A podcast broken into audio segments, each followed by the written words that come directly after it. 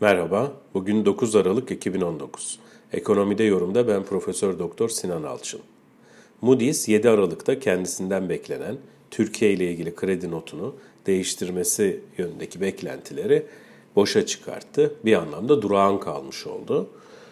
Moody's'in Türkiye ile ilgili son not güncellemesi 14 Haziran'da gerçekleşmişti. B1 seviyesinde ve negatif görünümde açıklamıştı Türkiye'nin notunu. Diğer iki büyük kredi derecelendirme kuruluşu ise bunlardan bir tanesi Fitch. 1 Kasım'da Türkiye'nin görünümünü negatiften durağına çevirmişti, yükseltmişti daha doğrusu. Kredi notu BB ekside kalmak koşuluyla. Standard Poor's ise Türkiye ile ilgili son not açıklamasını geçtiğimiz yıl e, kur şoku hemen sonrasında 17 Ağustos 2018'de B artı olarak gerçekleştirmişti. Şimdi Moody's'ten e, beklentiler büyük ölçüde Cuma günü Türkiye'nin görünümünü en azından durağına çevirmesi ve gelecek potansiyeline ilişkinde olumlu açıklamalar yapması yönündeydi. Piyasalar bunu büyük ölçüde fiyatladı haftanın son iki günü. Ancak böyle bir durum gerçekleşmedi.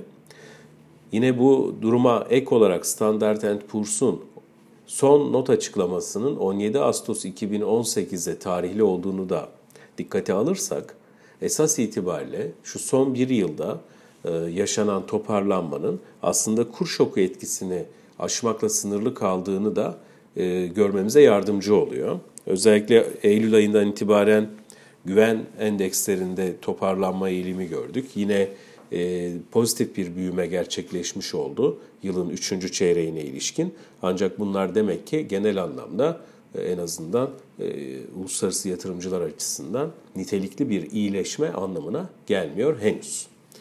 E, dolayısıyla Türkiye ekonomisinin kırılganlığı devam ediyor. E, bu bağlamda düşündüğümüzde hani nedir Türkiye'nin normu dersek aslında 2018 Ocak ayı bizim için iyi bir gösterge olabilir. E, buraya dönük olarak yani hem büyümenin potansiyel büyüme e, seviyesine erişmeye başladığı, hem işsizliğin nitelikli ölçüde azaldığı tabi bu istihdam artışıyla olabilecek bir tabloda muhtemelen kredi derecelendirme kuruluşları da Türkiye'nin geçtiğimiz e, son iki yıl içerisinde hızlı biçimde aşağıya doğru e, düşürülen kredi notunu tekrar yukarıya doğru revize edebilir. Yani Moody's'in bu durağan durumu aslında Türkiye ekonomisinin sadece şok etkisini atlatmış olmasından kaynaklanıyor. Nitelikli bir toparlanma sonrası muhtemelen kredi notları e, olması gerektiği seviyelere doğru yükselmeye başlayabilir. İyi günler.